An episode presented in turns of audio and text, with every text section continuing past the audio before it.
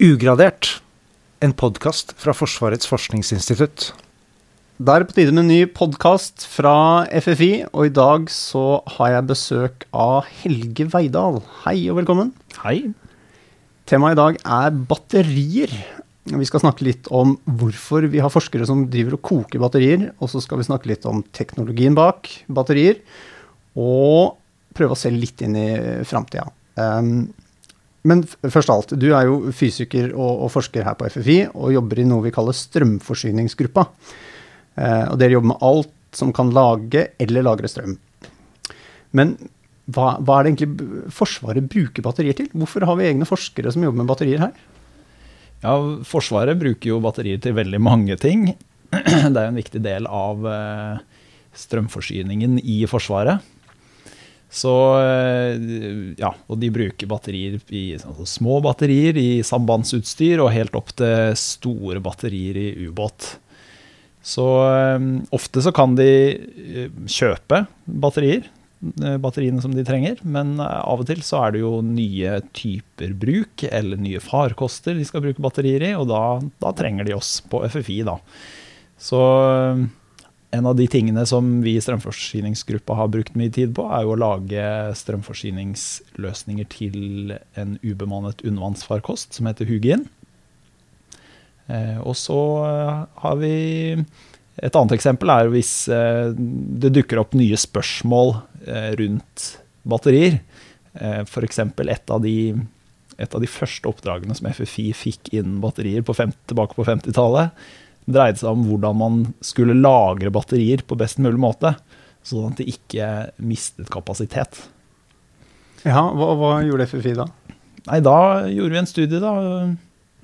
Eh, da var det snakk om å kjøle ned batteriene under lagring, for å, på den måten eh, redusere kapasitetstapet. Så da var det noen langtidsforsøk med med kjøling. Eller batterier plassert i frysere, rett og slett. Det her var jo på 50- og 60-tallet, men, men, nå har det skjedd mye med teknologien siden den tiden. Og jeg, jeg har sett noen bilder fra noen eksperimenter som, som, dere har gjennomført, hvor dere varmer opp, rett og slett steker eller koker batterier, kjører med spisse metallgjenstander gjennom det. Altså, kan, kan, du fortelle litt om det? Hva, hva slags eksperimenter er det her, og hvorfor gjør dere det? Ja, det den gruppa mi har jobba mye med de siste årene, er jo batterisikkerhet. Altså hvordan oppfører batterier seg når de feiler. Og når jeg da sier feiler, så mener jeg at de enten eh, slipper ut gass, eller at de begynner å brenne, eller kanskje i verste fall at de, begynner, at de eksploderer. Eh, og når noe skjer som ikke bør skje, så er det viktig å vite hvordan batteriene oppfører seg. Så det vi gjør, er å utsette batteriene for uh, en belastning som de egentlig ikke skal tåle, og så ser vi hva som skjer. Det er, uh, det er ett, av, et av spørsmålene. Så, uh, og den feilmekanismen som vi kanskje er mest redd for, er interne kortslutninger inni batteriet. For det er noe som er veldig vanskelig å forutse og veldig vanskelig å gardere seg mot. Så da gjør vi forsøk som prøver å etterligne det som skjer i en intern kortslutning. Og noe av det som skjer, er jo at batteriet blir varmt. Så i disse testene så kan vi f.eks. varme opp batteriet til eh, det slipper ut gass eller tar fyr, eller Mm.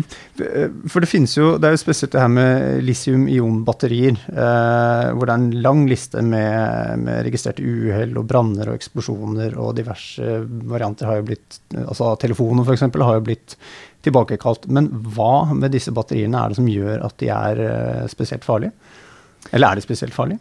Ja, jeg vil kanskje ikke si at de er spesielt farlige, men det, de inneholder De har noen sider ved seg som gjør dem, som dem brannfarlige. Eh, og det som skiller dem fra disse alkaliske batteriene, eller blybatteriene som vi har brukt tidligere, er eh, at de har en brennbar elektrolytt. Eh, den eh, består av noen organiske væsker som, som, som, er godt brennbare. I, til forskjell fra alkaliske batterier, hvor det brukes en sånn vannbasert elektrolytt. Så det er ett eh, faremoment. Eh, en annen ting er at de fleste litium-ion-batterier har evnen til å frigjøre oksygen fra elektrodematerialet hvis de blir tilstrekkelig varme. Og da har du i praksis eh, både et, et, et brennstoff, og så har du oksygen til stede. Og, og da, da, har du det du trenger Hvis du da også har en tennkilde, så har du det du trenger for å, for å starte en brann. Ja, En tennkilde, men finnes det i batteriet, da? Det skal jo egentlig ikke være en tennkilde i batteriet, men hvis noe går galt, så kan, du, kan, du, kan batteriet seg selv være en tennkilde. Hvis du f.eks. har en Hvis det kortsluttes eksternt, så går det jo ganske eh, høye strømmer gjennom eh, tilkoblingene. Og da kan de bli varme, eller til og med rødglødende. Og en sånn rødglødende tilkobling den fungerer veldig godt som en tennkilde. Mm. Hvis den kommer i kontakt med denne brennbare elektrolytten. Ja, for, for, det er ganske tynne lag med isolasjon inni disse batteriene. Så, så, det er nok at det er på en måte for tynt eller feilmontert, eller at det er litt slitasje der. Så kan ting som ikke skal være i kontakt, komme ja. i kontakt, og så blir det varmt. Og så ja. Det er jo, det er jo tynne sjikt i, i, mange typer batterier, men uh, det er klart at i litium-ion-batterier så har du høy energitetthet. Det er mye energi som er pakket inn i lite volum. Da, da, skal det jo mindre til, så klart, for at skal, noe skal gå galt. da.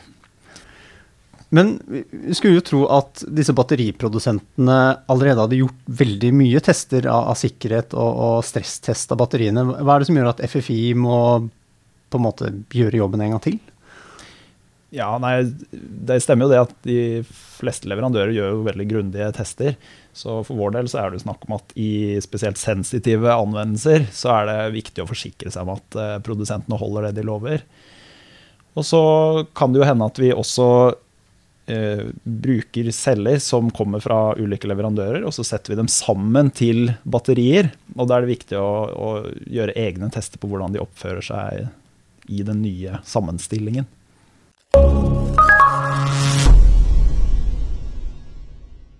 Kan vi ikke ta en liten uh, naturfagstime? Hvordan fungerer egentlig te teknologien i sånne litium-ion-batterier?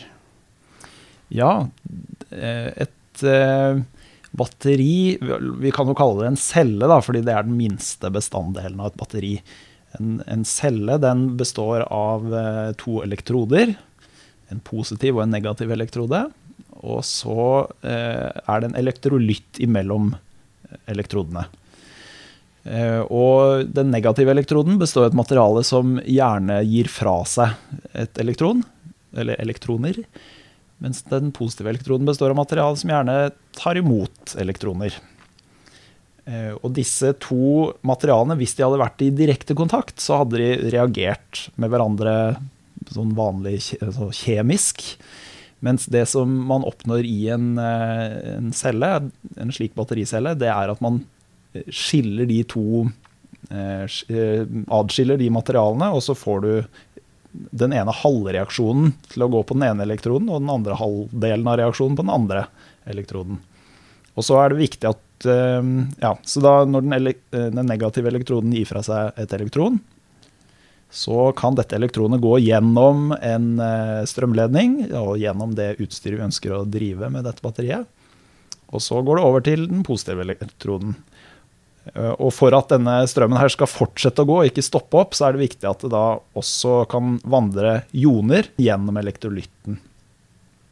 Så det er prinsippet for batterier. Da. Nemlig. Det som er spesielt med litium-ion-batterier, er at eh, det er litium-ioner som vandrer mellom elektrodene internt i cella. Og da blir det mer energi?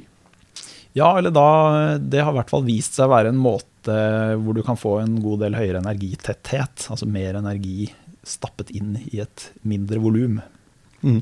Du, du, er jo sekretær i Norsk eh, forum for batterisikkerhet. Hva, hva, er det for noe? Hva driver dere med? Ja, det, det er et forum som ble danna i forlengelsen av at FFI eller Strømforsyningsgruppa gjorde eh, en rekke studier om batterisikkerhet på, sånn fra starten av 2000-tallet.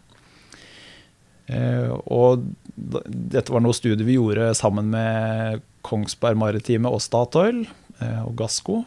Og etter at disse studiene var over, så fant vi ut at det var nyttig å fortsette å møtes for å diskutere problemstillinger rundt batterisikkerhet.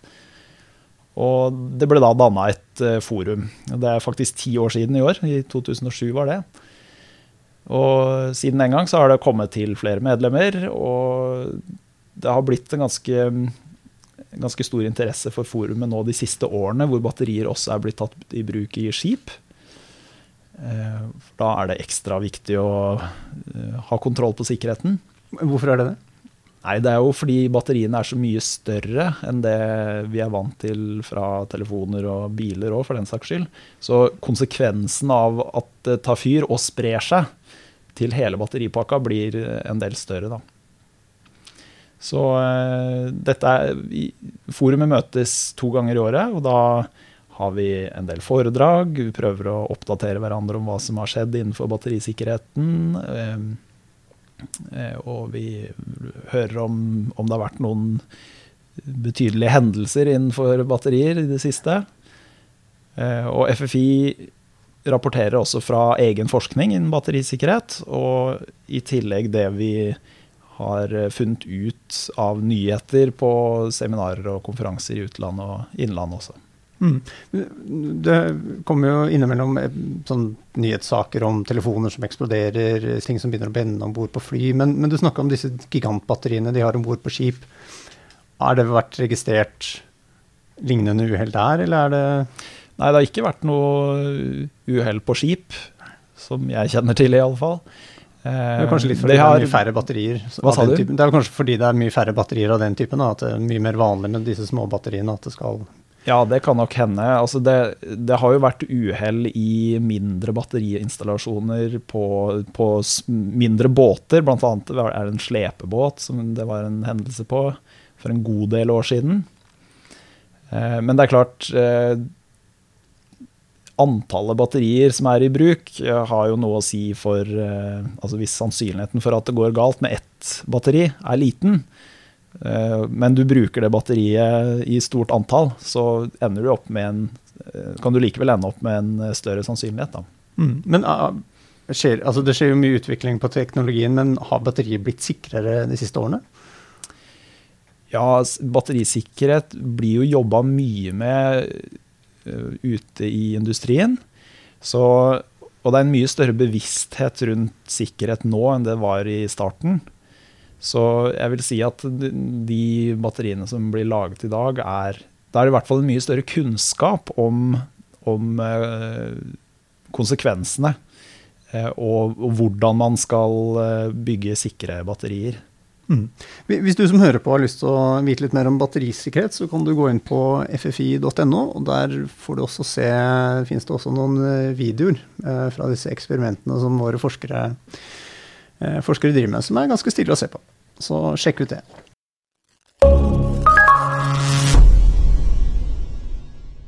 Litt om uh, framtida. Uh, nå skjer det jo veldig mye med kapasitet uh, og levetid. Uh, men hvordan tenker du at framtida ser ut? Altså, hva, hva, kan batteriene brukes til? Jeg syns jo det var merkelig å høre at en ubåt kan drives på batterier. Ja. Hvor, hvor, hvor går grensa? Eh, nei, den utviklingen som vi har sett, er jo at til å begynne med så ble jo litium-ion-batterier brukt i mm, telefoner, eller, og i videokameraer og digitale kameraer osv. Og, og så tok de veien over i biler, altså dvs. Si enda større anvendelser. Og så eh, ble de tatt i bruk i skip. Og nå er det jo også snakk om å bruke batterier i fly. Og personlig så er jeg egentlig overrasket over hvor store anvendelser vi ser at det er aktuelt å bruke batterier. Fordi de har jo, selv om det er mye energi eh, på lite volum, så hvis du virkelig trenger mye energi, så blir det mye volum og vekt på batterier. Og på et punkt så får du kanskje en mer, eh, en mer kompakt løsning hvis du hadde brukt hydrogen og brenselceller i stedet. Eh, Iallfall så lenge du ikke ønsker et Iallfall så lenge du ønsker et utslippsfritt alternativ. Da. Mm. Men når du sier fly, da snakker vi ikke om store passasjerfly? Det må være Nei, de, det som er blitt laget til nå, er små småfly med kanskje to passasjerplasser. Eller det vil si flyger og kopilot. Men eh, de store flyselskapene jobber med elektriske løsninger da, for, for, større fly også. Da. Men da er det gjerne i, i forstand av at du bruker batteriene som en sånn ekstra, ekstra hjelp. Da.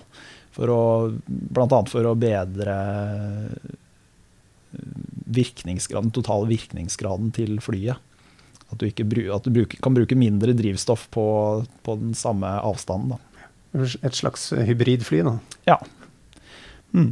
I, tillegg til det med at uh, man blir kvitt uh, som punktutslipp av, av CO2 ved, ved, uh, ved, å bruke batterier. Og så har jeg vel også lest noe om at du kan Man ser for seg at du kan bruke brenselceller og batterier til å lagre fornybar energi, som vindkraft og solkraft, sånn at det kan brukes mer sånn jevnt utover året. Men, men disse batteriene, har de Utgjør de et miljøproblem i seg selv, altså med avfall og, og produksjon? Ja, det krever jo eh, energi for å lage batterier. Og all energibruk er jo egentlig forbundet med utslipp. Så eh, du kan jo gjøre det om til et CO2-utslipp, kan du si, når du, når du ser på hvor mye energi som kreves. Både, la oss si, du skal må utvinne disse materialene fra gruver, du må transportere det rundt omkring i verden, du må ha strøm til fabrikken osv. Så, videre. så et visst CO2-utslipp ved produksjon av batterier er det jo absolutt. Eh, det jeg har hørt, er at du, hvis du ser på en elbil som et eksempel, eh, den mengden CO2 som du slipper ut ekstra i produksjonen av en elbil sammenlignet med en vanlig fossilbil, den har du spart inn etter å ha kjørt rundt med den elbilen i et års tid. Så det viktige poenget er kanskje det at batterier og brenselceller gjør det mulig å kjøre utslippsfritt eh, lokalt. Og så eh, er det en måte å bli kvitt alle punktutslippene på. Fordi det er ikke så lett å samle inn CO2 fra en milliard kjøretøy. Men hvis du sørger for at uh, punktutslippene eh, blir fjerna, og så, så, kan du fokusere på de store uh, fabrikkene etter hvert. Da, og, og, hvordan de kan bli utslippsfrie også. Mm. I bunn og grunn så handler det om å, å, klare å produsere strøm uten å slippe ut CO2. Da. Mm. Litt tilbake til forskninga di. Hva er det du holder på med akkurat nå? Nei, nå så gjør jeg noen forsøk for å finne ut av hvor mye gass og hva slags gass som slippes ut ved litium-ion-batterier når de feiler. Så da varmer jeg opp eh, batterier inn i en trykktank, og så måler jeg trykk og temperatur på de gassene som kommer ut. Og så tar vi prøver av gassene og, og analyserer det. Mm. Er det kobla til noe spesielt prosjekt? Uh ja, dette er jo forsøk som, som, er aktuelle når du skal bruke cellene i, en, eh, i et lukket rom. Sånn som i batterier, eh, batterirom på skip. Der blir jo gjerne mm, batteriene plassert i egne rom. Og Da er det aktuelt å vite eh, hva slags gasser og hvor, hvor eksplosjonsfarlige de gassene kan være. Da, eventuelt helsefarlige de kan være når de slipper ut der. Eller så eh, er vi også engasjert i å støtte Forsvarsmateriell i deres eh, prosess med å anskaffe nye ubåter til Norge. Eh, og da er jo et av spørsmålene der hvorvidt det går an å bruke litium-ion-batterier i ubåt, eller om det blir for risikofylt. Mm. Hva er alternativene der? Nei, I dag så brukes blybatterier. Store blybatterier. Det er det som har vært brukt uh, siden, uh, siden starten. Da er eh, batteriene i ferd med å gå tomme for denne podkasten. Vi skal sette de til lading, og så er vi tilbake med en ny versjon av Ugradert i januar. Følg med.